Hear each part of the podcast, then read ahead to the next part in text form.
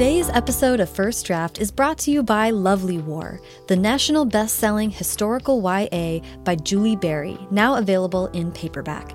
Berry, author of the 2017 Printz Honor and LA Times Book Prize shortlisted novel The Passion of Dolssa, is back with a sweeping, multi layered romance set in the perilous days of World Wars I and II, where gods hold the fates and the hearts of four mortals in their hands.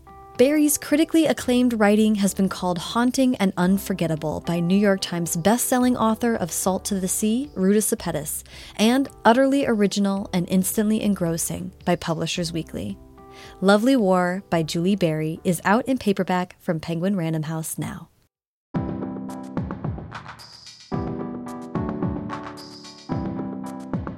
Welcome to First Draft with me, Sarah Enni. This week, I'm talking to Maggie Levin, director and screenwriter whose debut feature, My Valentine, a part of Blumhouse's Into the Dark horror anthology series, can now be streamed on Hulu.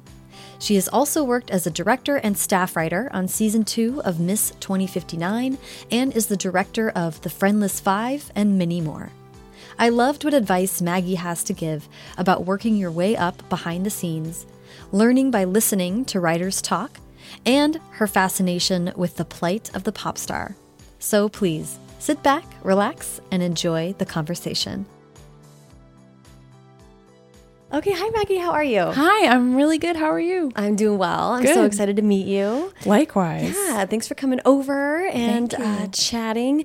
I'm super excited to talk to you because I haven't gotten to talk to very many screenwriters yet. And not only are you a screenwriter, but you're also someone who takes the next step to write it and then put it on screen, Yeah. um, which I have one zillion questions about. So, Awesome. um, but before we get to that, I'd like to start with a little bit about you. So, if you don't mind telling me where you were born and raised. I was born in New York, New York, and I was raised mostly in Woodstock, New York, um, which is where the festival was supposed to be but wasn't. But we still carry all the merch there, like it was there.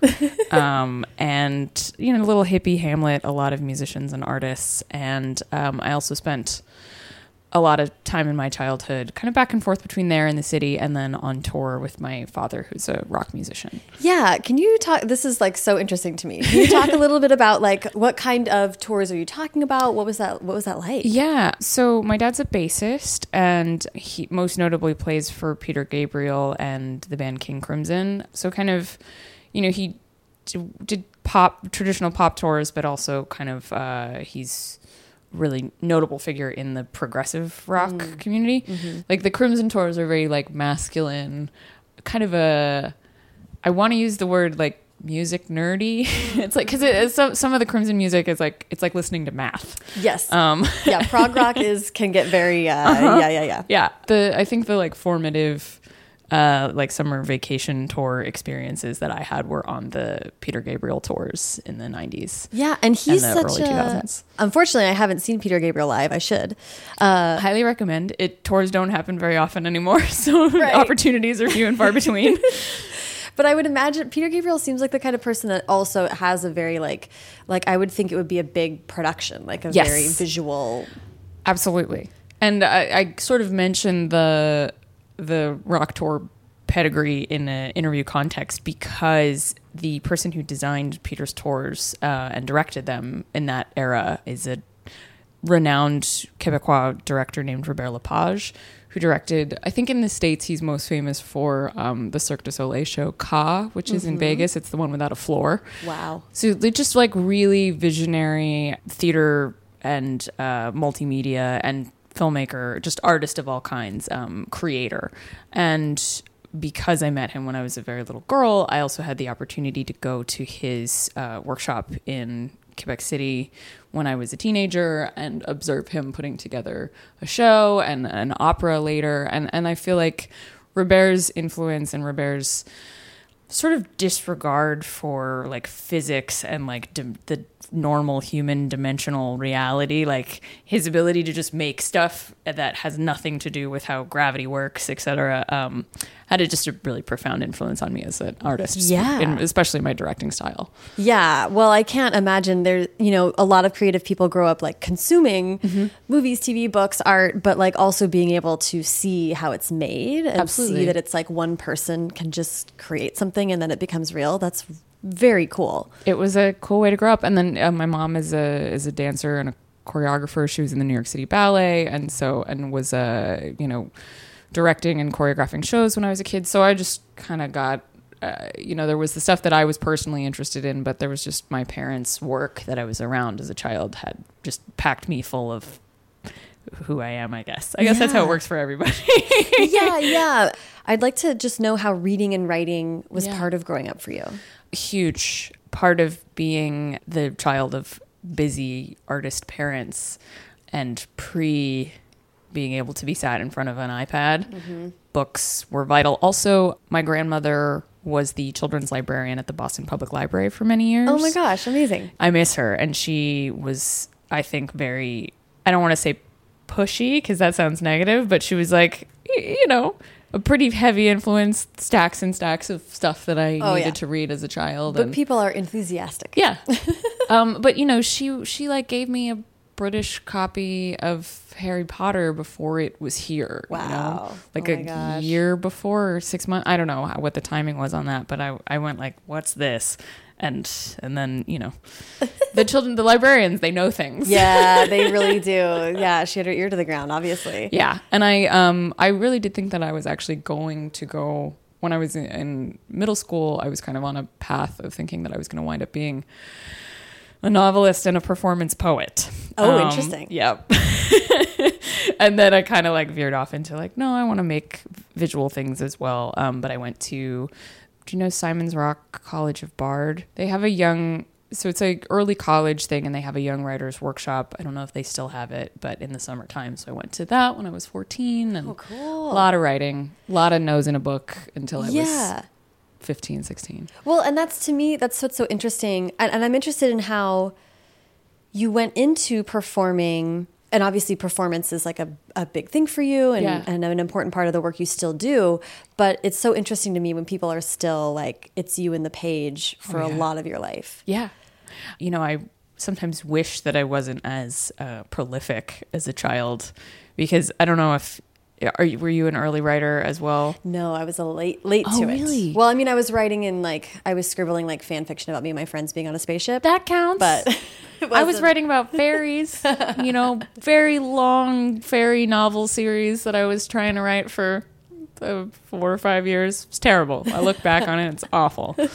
So embarrassing. But I just to have the the collected volumes of me as a child are it's takes up so much space and my parents god bless them held on to it for a really long time and then we're like can you get this the amount of journals Yeah. so schlepping all of the childhood journals around from home to home has been like a like oh, I, I wish that I could part with this. You know, I did the full Marie Kondo, and I was like, I should get rid of one of the hundreds of journals that I ma- did when I was eleven, um, but I just can't. Don't, don't do, can't it. do I it. know. The part of me is like, oh.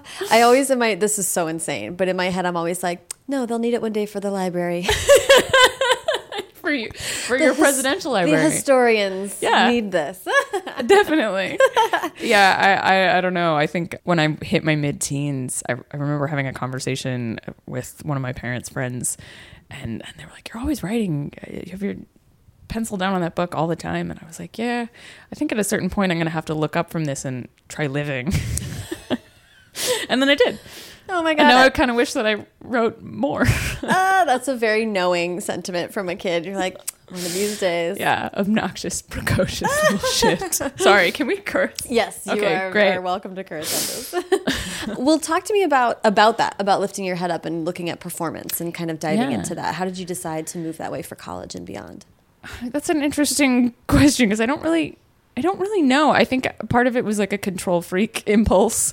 I loved doing youth theater when I was a kid and I was in a lot of like musicals and there was a local group that put on these amazing shows that my mom was really involved in and I was really involved in. And then yeah, in my mid-teens a lot of the writing that I was doing was was playwriting. I also Mm. went to the um there's a program in New York called Young Playwrights Inc. and they ran a competition every year. They also had a summer camp that I participated in. And I, I never I never really wanted to even though I did a lot of performance, I knew that I didn't want to be an actor, mm-hmm. which I know sounds odd because I I went to the dir- directing program at Fordham Lincoln Center and then left there and went to a performance conservatory called the Neighborhood Playhouse.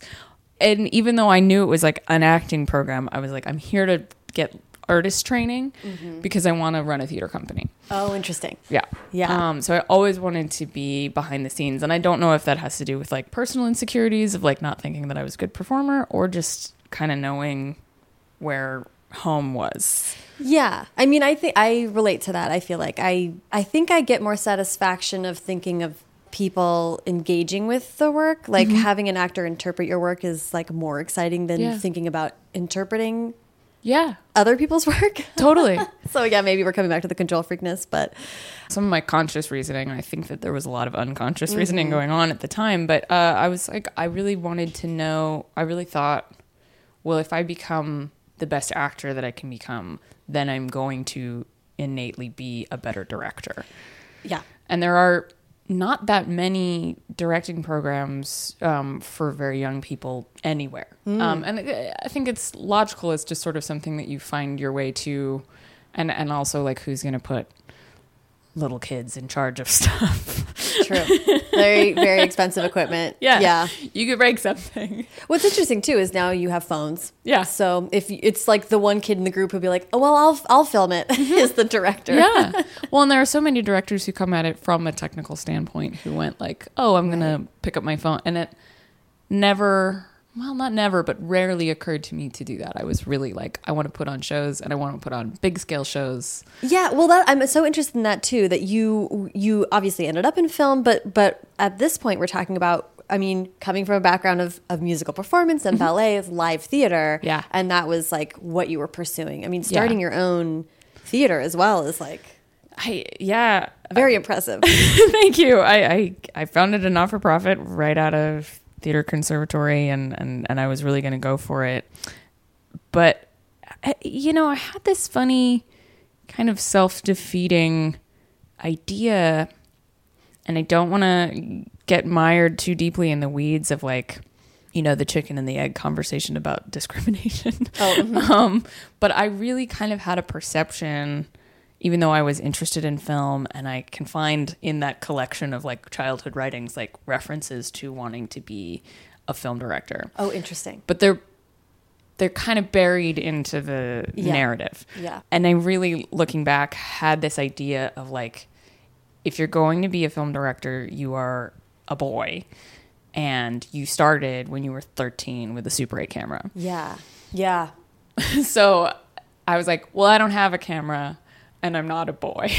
so You know that's so interesting, and I agree with you. We could spend another hour talking about Yeah. about the gendered soup that we're all swimming in. But the other thing that I don't think we talk about as much is this. I remember very vividly being like thirteen, and being aware of all the things I was already too late for. totally. Yes. Wild. Yeah. And now looking, You're I like, mean, I'm 13, I'm already expired. I'm 13. There's no way I can be a dancer. It's There's no way I can be a professional musician. I mean, like literally, you have to be six to start. You know what I mean? Or Yeah. before to start these things. Like it's not an irrational thought to have, which is even more shocking. Yeah. But yeah, so there is something about youth too, and even still being young, you're like, no, my Yeah. time is bad. totally. No, you are, you suddenly become your own gatekeeper. Yeah. It's really weird. yeah, it's it, it's it's alarming how often. That's a great way to phrase it. We become our own gatekeepers, or we. What Yeah. RuPaul says? Uh, your inner saboteur. uh, having a name for it is helpful because then when you kind of hear that voice, you're like, oh, Hey, hey, Nope. Nope. Go away. no way. Yes. yep. So I know you have an interesting story about how you decided to not only move into film Mm-hmm. but move to Los Angeles. Oh, tying back to the Peter Gabriel thing, Mm-hmm. there was a an instructor we had at the neighborhood playhouse who was supposed to be our stage combat instructor. I think we did a little bit of stage combat with him, but mostly we did business of the business lessons where he would like give these sort of scared straight talks uh-huh. to the class. And most of the class because the playhouse is very I think our, I think our graduating class was like 28 people, something like that, and very small. And you're very in your like artsy, fartsy, like everything. You know, like you're really you're staring up your own belly button, and everything is very affirming, and like you're looking at your pain and whatever. So when somebody comes in with like practical hard realities about the world and the business, the general response from the class was like, "Hey." Fuck you. Don't want to hear about that right now. Really into my art and all the possibilities of my art. Right. Sorry, I'm telling the extremely long walk No, no, no. version of this this. is actually like I'm actually this is very interesting to me, and this is what we love to get into. So go for it. Okay, good. I am so grateful to Rick Sordelay for those stern talking tos that he did.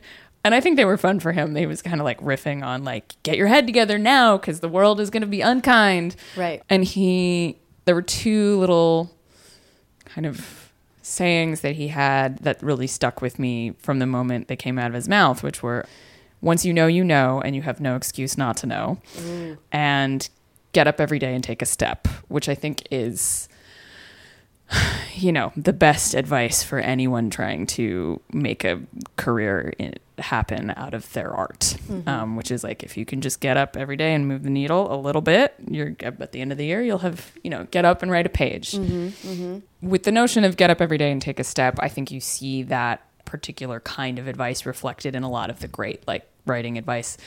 Highly recommend following my producer, um, C. Robert Cargill, who is a screenwriter and and gives a lot of like just keep writing. Mm-hmm. Just if you get up today and you do this many words, then at the end of the year you'll have done a whole book, you know, that mm-hmm. kind of thing.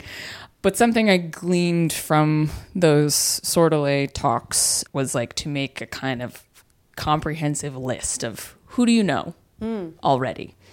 When you get out of school, who can you call mm-hmm. that's going to like help you move the needle? Yeah.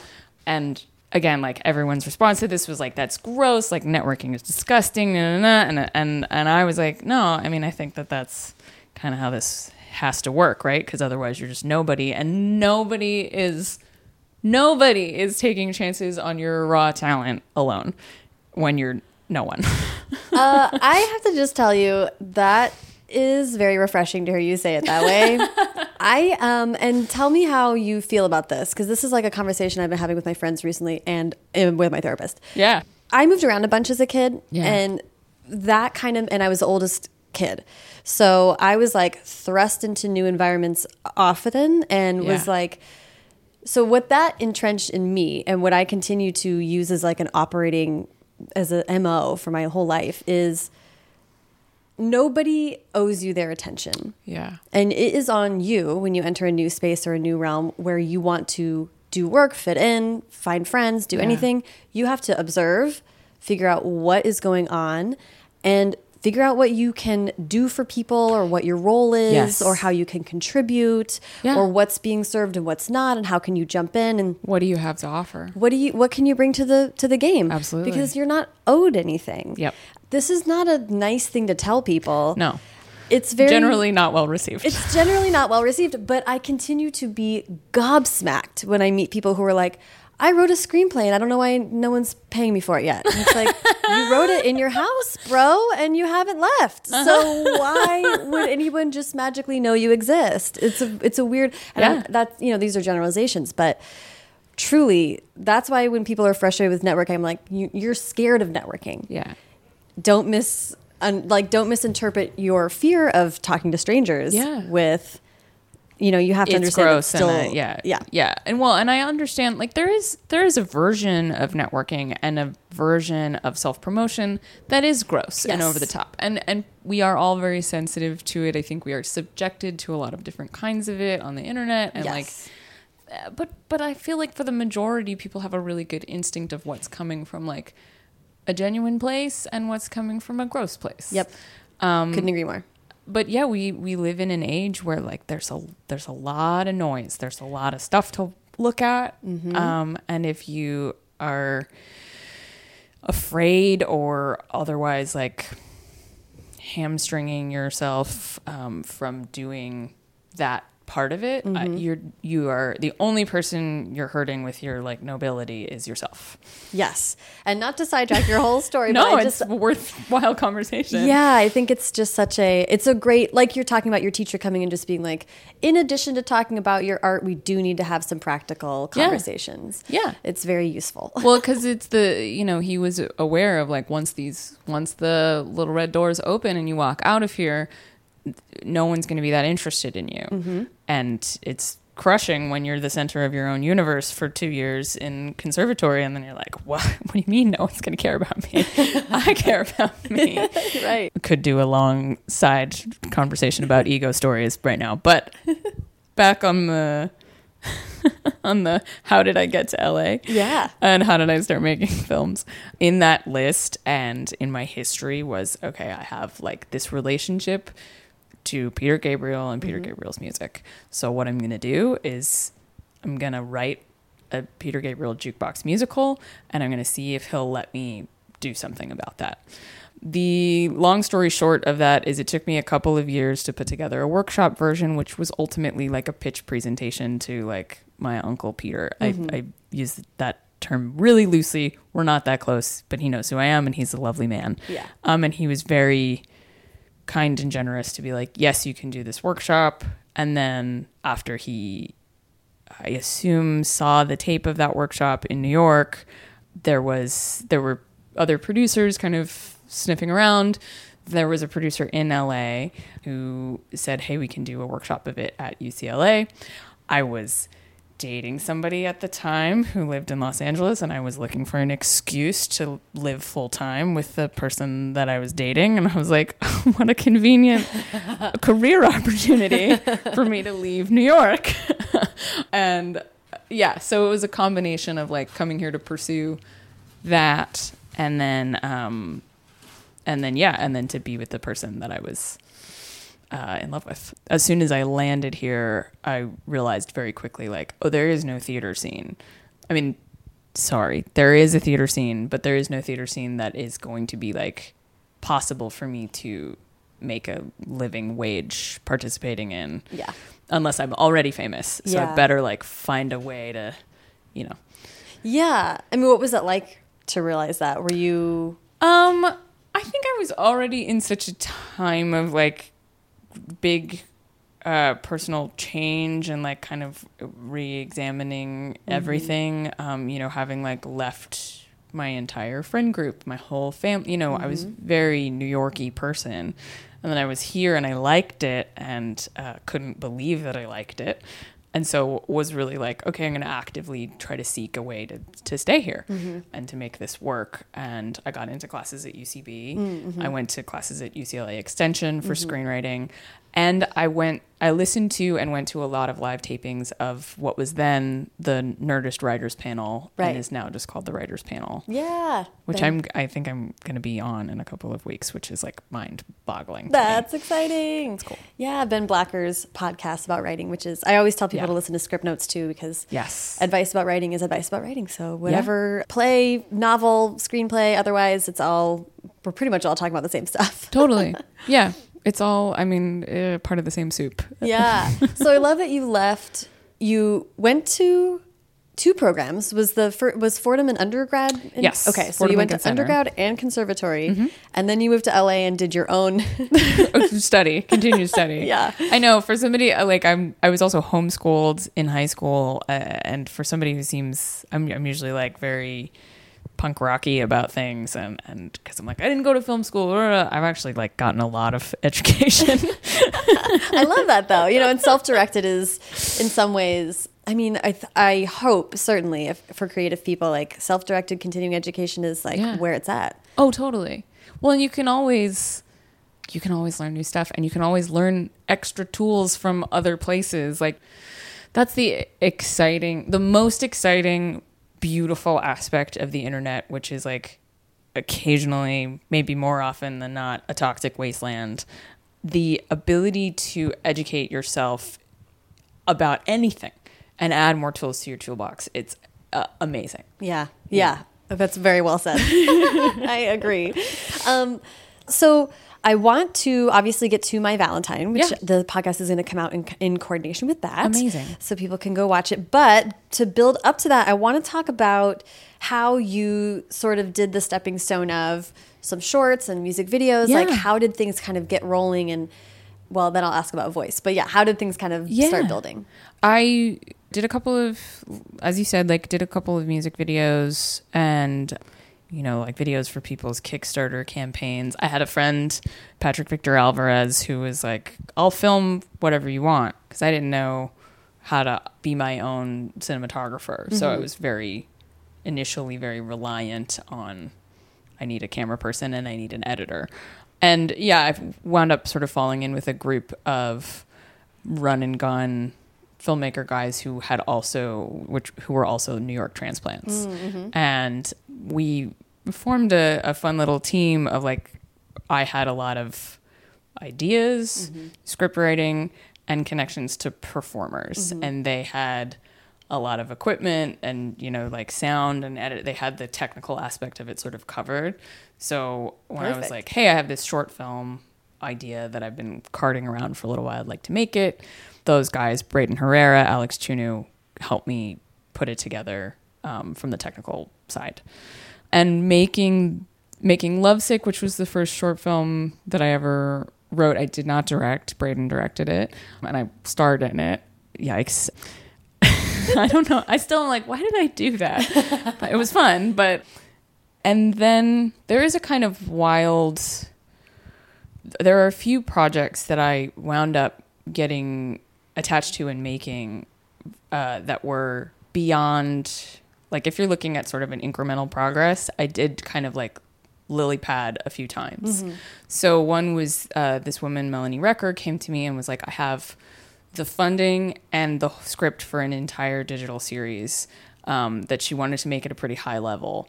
And I had no f- like film, nothing relevant in my catalog or, or my filmography so far for her to point to and go, yeah, she's the right person for that. She just, she and I met at a women's event and she just liked me. Thank God.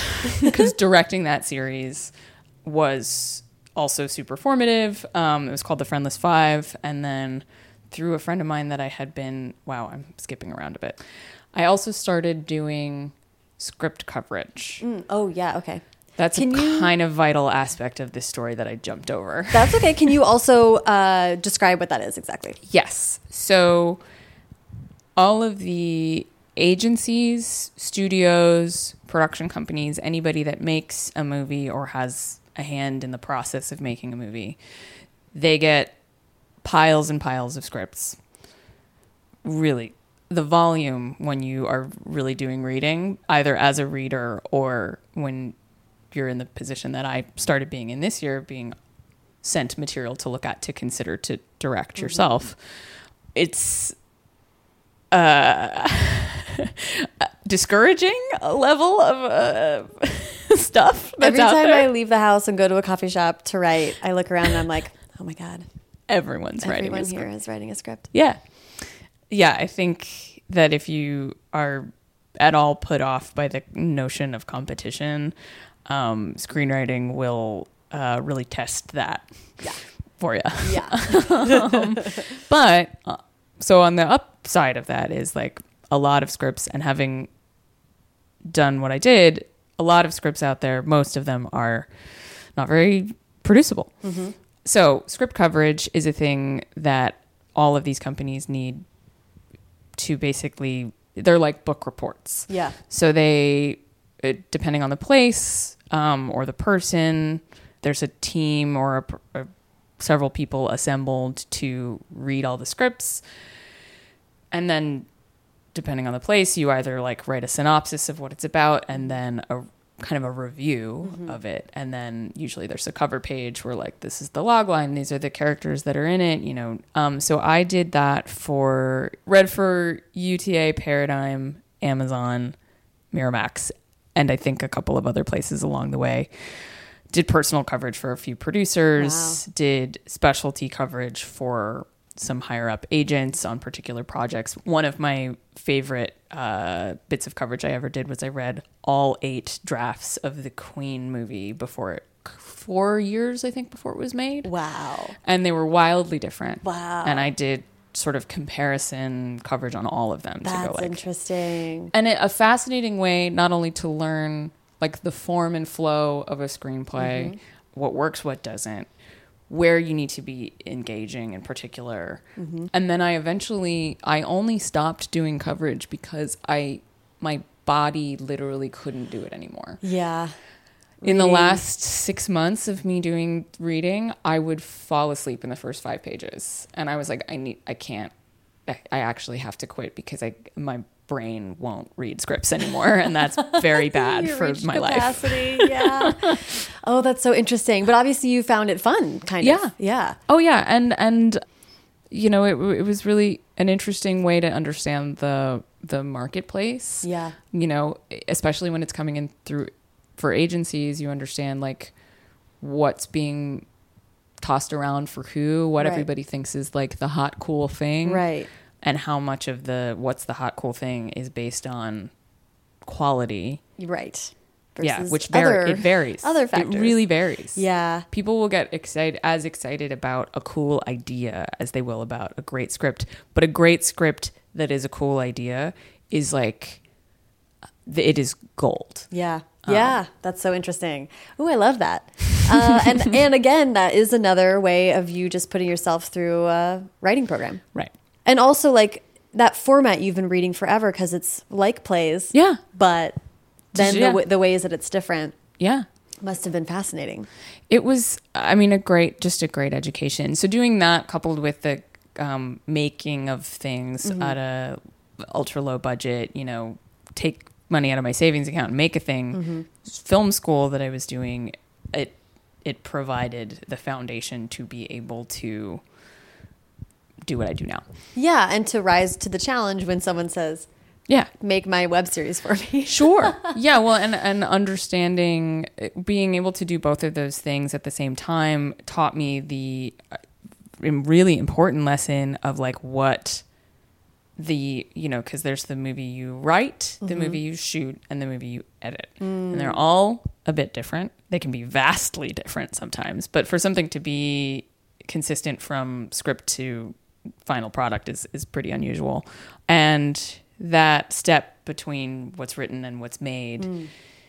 because I did so much independent producing, mm-hmm. I I know now I'm equipped now to go like, well, here's what's possible and here's what what isn't, depending on how much money we have, and that's like a thing that I think a lot of screenwriters don't get to do if they're Right. not participating in the production process at all. Right, absolutely. Yeah, there's uh, my my I have a friend who is on the production side and he'll talk about look at things and be like, "Let me tell you on this page where the money is." Yeah. And it's such a cool lesson to just sit there and talk him through like his brain and how he's like, "No, I'll tell you Yeah. what we can't do and why." Well, I even had a friend come to a before I had made a lot of stuff, come to a live reading of one of my screenplays.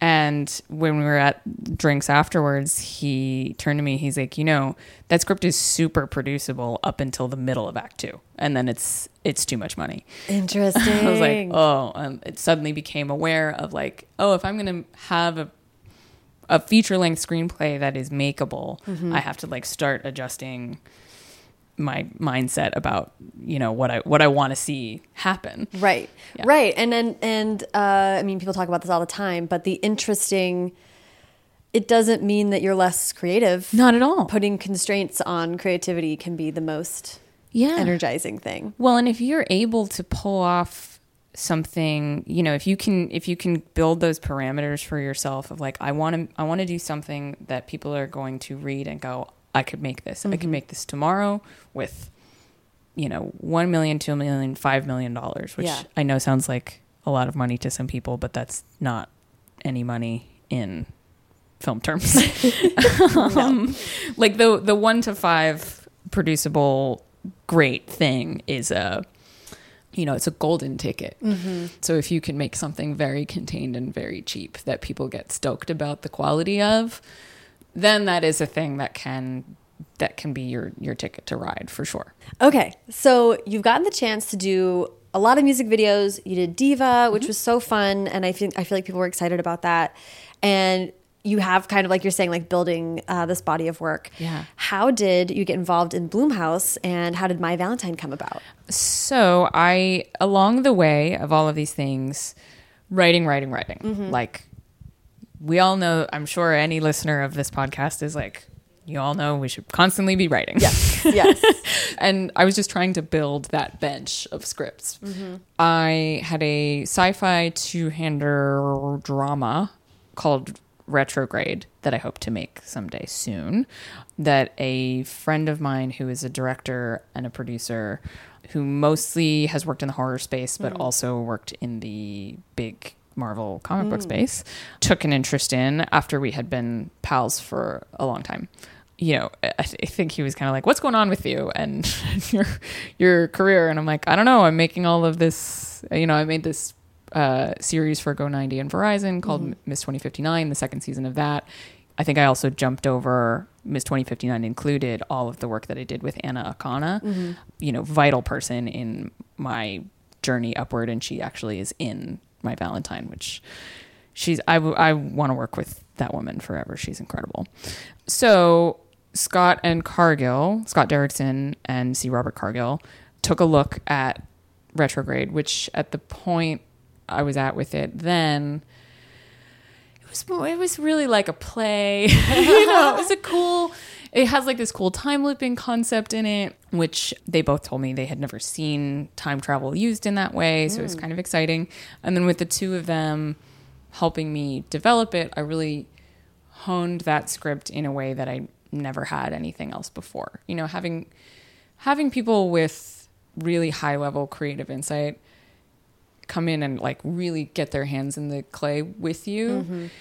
The experience of that was like both really gratifying and really scary. yeah, right. Like when you've been off on your own kind of like doing whatever you want to do, suddenly I don't know what your relationship is like to notes, but I- I found like I had to work through like, oh, I have a lot of have a lot of resistance here. Yeah. I always thought that when qualified people came along and gave me feedback, I'd be like, yeah, man. But it turns out I had a few of those moments like, oh no, I'm an artist. I'm a difficult artist. yeah, like, Yeah. I don't like it when you don't say that I'm a genius. Yeah. yeah, it's hard. and stuff. And yeah, I think you know collectively, uh, I probably had a I probably rewrote retrograde like eleven or twelve times. Yeah, wow. So and and with time travel, it's a real, you know, house of toothpicks. Yes. Oh, yes. That's like the biggest challenge I think you can set yourself. Oh, my brain was so broken by the end of that uh, rewriting process, and and knowing where it's at in um in its life of of working towards being produced, I think I'm about to do another pass on it. I'm already like, whew, I have to I have to like do brain push-ups. Yeah. make sure that I can Build operate yourself there. up to it. Yeah. Yeah. Oh my gosh. So, Scott and Cargill, having made Sinister with Blumhouse a number of years ago, when the script was in a really solid place, um, and I had brand new representation at Brillstein and WME, and you know, the, this is sort of like everything was coming together in, in a way to really take this places. And the fellas wanted to take it to Blumhouse first because that's where they have like this just strong relationship. And it's also like a place that Blumhouse is a place that takes big risks on young filmmakers. Mm-hmm. And you know their their model is incredible. They make a lot of stuff. And I was told from the get-go like Blumhouse is a really filmmaker driven place mm-hmm. and I have found that to be extremely true. It's wonderful so I went in and met with the Blumhouse team about retrograde, and it was something that might have worked for a couple of their TV models. So they have they have this program called Into the Dark, which is a horror anthology series. Retrograde, not horror. They have an, also an ongoing Amazon series, similar, a film. Um, I think it's a film every couple of months. I think it's every two months. I'm not really sure. But yeah, we were sort of looking around of like, can retrograde fit into either of these models um, because they liked it. And when it seemed like they were leaning towards slotting it into Into the Dark, I went like, you know, Retrograde has only two characters, but there are at times 16 versions of those same two characters. Interesting. And the number 16 is going to come up again. Into the Dark's films are 16 day shoots, Oh wow. which is very short. Yeah. So I started to look at the situation and go like, well, I have the opportunity right now, sort of laid out in front of me, almost a done deal to make a movie. Mm-hmm. My first feature, huge opportunity, got to take it. However, I don't want to just make a movie because I can. I want to make something really well. Mm-hmm. I think that particularly for women, people of color, any sort of under traditionally or historically underrepresented group, there is a pressure to be beyond excellent in everything that we do. Mm-hmm. For me, I was like, if the choice is between making a bad movie and no movie, I'm going to pick no movie. Mm-hmm. Which was a terrifying thing to say Right. to out loud. Right. First to myself and then to other people. Right. Because everybody was like, what? Yeah. Why don't you want to make the movie? And I was like, well, hang on. Yeah. Let me look at, you know, what this model is. What what is Into the Dark really like? Understanding what their schedule is like. Mm-hmm. Watching all the episodes. Mm. And I saw one episode called I'm Just Fucking With You, which is the mm-hmm. April Fool's episode from 2019 19, yeah. and looking at I'm just fucking with you, which was like this like sort of like brash neon, really like heightened world. Mm-hmm. You know, based on that one's kind of based on internet trolling Mm-hmm. and um, the psychology of a troll. Yeah. and then this game of practical joking that goes awry. Mm-hmm. And it's shot and edited in this way that's like very kind of Edgar Wrighty, really poppy Mm-hmm. and, and in your face. And I saw that and I was like, this is something that I can really do and really do well Mm-hmm. based on my music video experience. I didn't even think about how I was going to tie it, how it was going to tie into Diva. Oh, I was re- yet, but it totally does. You know, Mm-hmm. it deals in the same area. It deals in the area of pop stars, pop music, Mm-hmm. and the things we go through, Mm-hmm. or the things that female musicians go through, particularly Mm-hmm. female mu- musicians of note. Like there mm-hmm. are, again, the plight of the pop star, something that's interesting to me. But it was really about like stylistically and time wise, what can I do and do well? And they, and retrograde was being considered for f- the February slot. Mm-hmm. I think it was going to be for Groundhog's Day. Oh, funny. That's so interesting. And I was like, eh, let's do Valentine's Day. They had already done a Valentine's Day one, which is really fun called Down, where it's two people stuck in an elevator. And I, at the time, was going through some big personal relational transformations, uh, getting to understand myself, kind of like breaking out of these really long standing relational patterns. Mm-hmm. Also, was coming off of the how do I put this? During the initial wave of Me Too, mm-hmm. a lot of the women close to me were, and including myself, were close to some really big monsters, mm. really big ones. And going through that experience of like, like, I've been, I feel like I've been using this phrase a lot lately, the sort of like lensing out, getting a wider and wider perspective of like, uh, you know, the scales falling from your eyes, realizing what was really going on Yeah. for both myself and and my nearest and dearest friends. And all that kind of like raw stuff was bubbling around in me and I was like, okay, I'm going to combine the pop music video world that I know really well and I can film without thinking. You know, I can make snap decisions about how this is going to be visually. Right. I can move in this space and um, not feel scared or uncertain of my decisions. I know this world like the back of my hand. Um, I know that sounds that could sound egotistical, but Ah. it's just it's it's the it's the world that I have played in both as an artist and as a person a lot. Yeah. Yeah, so then I kind of pitched them this overall concept, which is it's one pop star has her songs and her look stolen by her producer boyfriend, and he basically recreates her on a whole new person. Yeah. That's the backstory. She spends, again, backstory, a couple of years trying to get back on her feet, figure out what the hell she's going to do.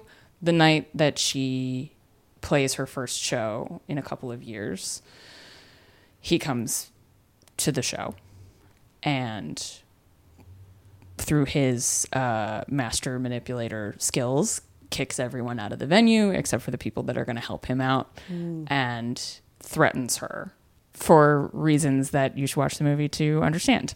But ultimately, the body of the film is about these two people who were locked in this incredibly toxic dynamic, having to confront the wounds of the past mm-hmm. while crazy shit goes on around Yeah, them. I was gonna say the, the the element then that is so funny to me is like then it's a horror movie. Oh yeah, You're with Blum. I mean, not Blumhouse do- does more than just horror, but you but they mainly on work in the horror space. They're Yeah. mostly horror, and Yeah. this series is, Is a horror series. explicitly a, a horror. Absolutely. Were you like, Oh, and it and it. I know I'm talking about it from this like really emotional uh, perspective, but it is it's a slasher movie. yeah, like it full on. yeah, But I think yeah, my proximity and understanding, unfortunate understanding of the nature of narcissistic sociopaths, Right. is the place where this slashing comes out of. yeah. Well, I was gonna say also. I mean, when I saw that it was the Valentine's Day movie, Yeah. and then read more about the concept, I was like, oh, this is great. Like, this is someone taking Valentine's Day and saying like,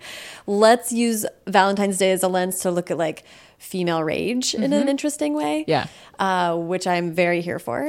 so that seemed very exciting to me. Yeah. If you have been in any kind of abusive or gaslighting relationship, it's possible that this will be like really triggering or really healing or both. Right. I it was certainly both things for me. And I I feel immensely grateful for the opportunity to have explored what we explored and to do it, you know, I haven't even begun to talk about the people that made it with me. Like it, the cast is unbelievable and the DP, all, all of it, you know, it, it really is again that thing of a thousand hands in concert. Um, Yeah. little miracles. Like I love, which I want to ask about that because that is a thing that is, as a novelist, someone who is just like sort of rigidly in control of, of the movements of everything in the world. You know, it's Yeah. and like uh, and and looking to other art forms where where you can where you can sort of take off the mantle of all that that comes with that too. Yeah.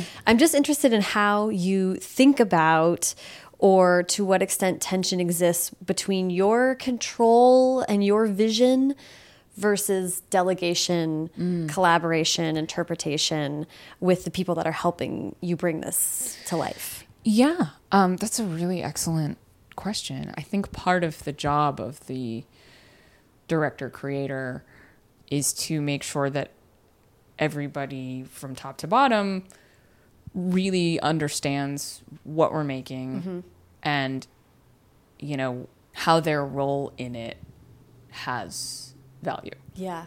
and so that that is something that I, I work very hard to try to create in in my process is like that everyone who's working on it feels like their work is valuable. Well, it's very, I think about this a lot because, again, especially as a novelist, where it's like, ha Hammer is my only employee Aw. in that realm. You're very good at your job. and I'm not, not sure how great of a manager I am uh, of him, but um, but you are as when you move into the directing space, it's a, it's a creative, artistic job, mm-hmm. but it's also a managerial job. Absolutely. And that's a whole other set of skills, you know. And, and for people that didn't go to business school, you know, like there's even being a boss to the extent that I am. I just have a few people that help me with the podcast. I'm like, oh, you know, I'm taking a lot of responsibility. I want to make sure that people feel good Yeah. about the work that I'm asking them to do. totally. It's a big task, though. Yeah. Well, and and it's it's important, you know, if you want to keep working with other people, which I certainly do. Yes. Um, if you want to, and you want people to bring their best work. Absolutely. Oh, the difference between somebody's work when they care and don't care is night and day. Yeah. And uh, and it's you know I've had the certainly the experience of people like showing up on a set of mine, which where they're like subbing in for someone in the camera department or like for whatever reason, they don't care. And you know you try not to do any like blaming or whatever, but it is uh, it's such a it's like cr- crushing. Like it's it's definitely hard for me not to take that kind of thing personally. Right. Because I'm like, Yeah. why don't you care? And then and then you have to go like, well, because like you're here for a day, Right. and I've been on this project since June, Right. right. and like when it comes out, my name's all over it, and yours is like buried on the third page of the credits. Right. So like that, I think, is what I is connected to what I'm saying about like making sure that everybody understands that their contribution to the piece is absolutely, you know, like stuff like the people that run Crafty, Mm-hmm. like that is the beating heart of a set, like keeping everyone fed yes. it well. A, a hangry set is not going to make a good no, movie either. no, like, and you know, you learn that from doing like crappy low level projects for long enough. Of like, you know, if you're feeding everybody after hour twelve with just pizza, people aren't going to be doing their best work. Yeah. Yeah. oh my gosh. I can imagine. I really love that. And that's sort of the delegation part of things or the well, I guess I guess the other element of it is not only that people are showing up and doing their best work, but like then when you get to people whose interpretation of your work is going to define it, Oh yeah. How do you work with accepting other people's interpretations if they're different than what you thought? I mean, how, what's what's your perspective like on set as far as letting other people sort of have their say in Yeah. what, what's ultimately going to be the project? That's an amazing question. I think that if you're able to, if you're in the position to hire people that you really trust, that helps a lot. um, and you also have all of your kind of pre with your with your main team, your cinematographer, uh, your on-set producer, um, your AD, all of those folks. You have a couple weeks, at least in the context of this series, particularly in a longer movie. I believe you have much longer. Um, your production designer, all of all of those department heads, you have a few chances to like really get to know each other and everyone who is a department head worth their salt is ultimately trying to execute the vision of the director. Mm-hmm. What I like to do though, I think my my sort of method or artistic strategy is like I don't believe that I'm always going to have the best idea. Mm-hmm. I'm really not. I'm mm-hmm. one person with one perspective. And I very much want all of the things that I make to not just to have a voice, but not to be a you know vision through a tiny keyhole of one. Per, you know, it's it's why it's the very reason why diversity matters. It's like mm-hmm. the the necessity of multiple perspectives is mm-hmm. what makes I think great art. Know, I know that can be contradictory of like you know singular voice stuff, but but certainly in the context of film, you got it's everybody working together. It's not one mm-hmm. person, which is like I get a little bit grumpy about auteur theory and mm-hmm. stuff like that. I'm mm-hmm. like, yeah, but it's not one person. Yeah. So, in terms of the delegation, you know, I really, I try not to like fight too many battles to the mat. You know, I mm. pick and I, I kind of know by instinct like what is important, what's vital, um, mm-hmm. and it's absolutely my job to keep an eye on the the big, the biggest, bigger picture, Right. Which is like final product. Who's this movie for? Mm-hmm. What story are we telling? Mm. Th- those are the essential pieces Yeah. everything else is kind of up for discussion. Mm-hmm. I can also imagine though, it mu- I mean, throwing the added wrench in of like first feature. Yeah. Just the other pressure element Totally. can kind of make you lose your mind a little bit. Yeah. well, and it's kind of like a funny little, you know, depending on the day and who's talking, it's like, well, it's just an episode of television. Right. Or it's the first feature in, that you've ever made and you better get it perfect. Yeah. Like, and I flipped back and forth between the like, just don't worry about it perspective and the this is the most meaningful thing I've ever done. like all day, every day. Oh Still my doing god. that. I yeah, think. that's like really actually all it is. The creative Like this really matters. This doesn't matter. Nothing doesn't matters. matter at all. No, sometimes like I'm sitting at a co- the coffee shop writing the scene, and I'm like, it's the first draft. It doesn't matter if if I get it right or not. And then I'm writing it, and I'm like. This is the most pivotal scene in the book. It ca- It's just like, oh, there's no Yeah. way to level that out. Yeah. Um, so I like to wrap up with advice. Yeah. Um, I'd love to hear someone who is interested in uh, in writing screenplays or in getting into that world. Yeah. What you would advise? Recommend. Uh, yeah, exactly. Oh, I mean, reading scripts. That's the best thing to do. I was gonna say you kind of went over it a little bit, but Oh yeah, Sounds It- like- it- it's reading scripts and then also.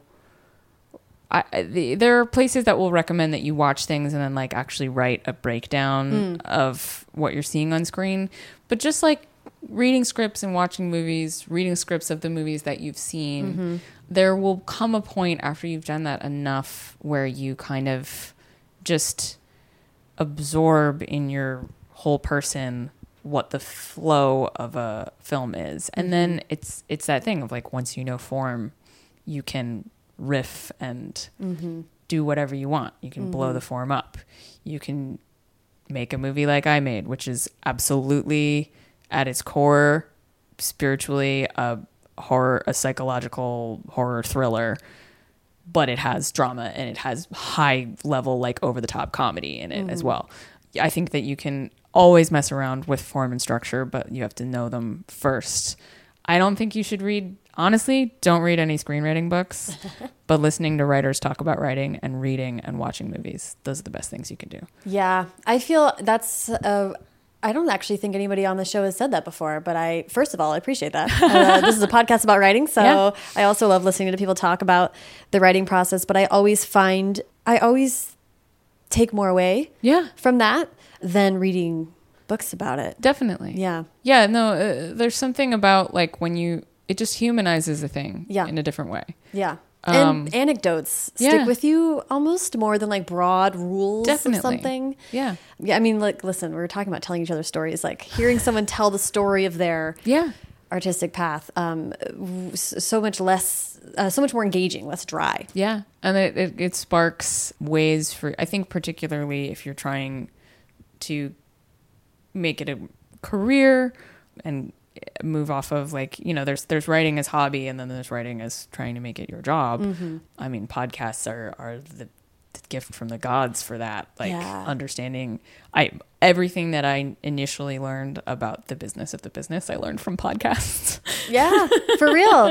It's a wonderful time to want to just learn more about Yeah. something before, if you then even can tell if it's for you or not, um, Yeah. based on how people talk about it. So, Yeah. um, hooray for podcasting! I I'll love podcasts. Thank you so much for having me on yours. Yeah, this was such a delight. Thank you for giving me so much time. Yeah. And I'm so excited for the movie. And we do show notes on my show, so we'll link to everything on there. And Amazing. It'll be great. Thank you so much. Awesome. Thank you. It was really lovely being here. Thanks.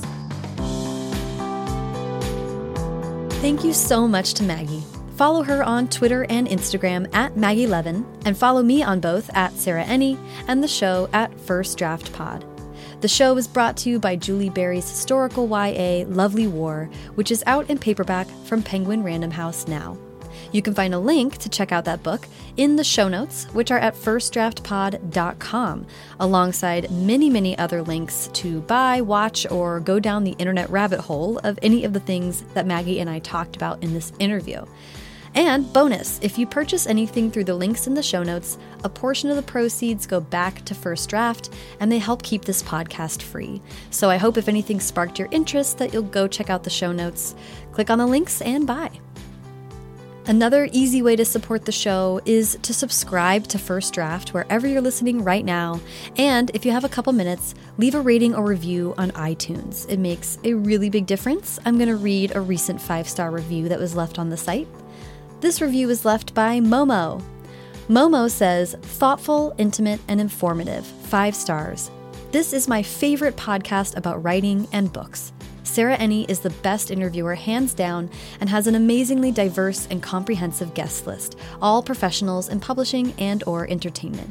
It's like listening to two smart, inspiring friends in conversation in your kitchen. Momo, thank you so much. That's really sweet. Um, I'm so glad that it feels like that, um, like you're just sitting in on friends talking. That's always been the purpose of the show. Um, and, I'm, and I'm so glad to hear that it's coming across that way. And thank you for taking a few minutes to leave that rating and review.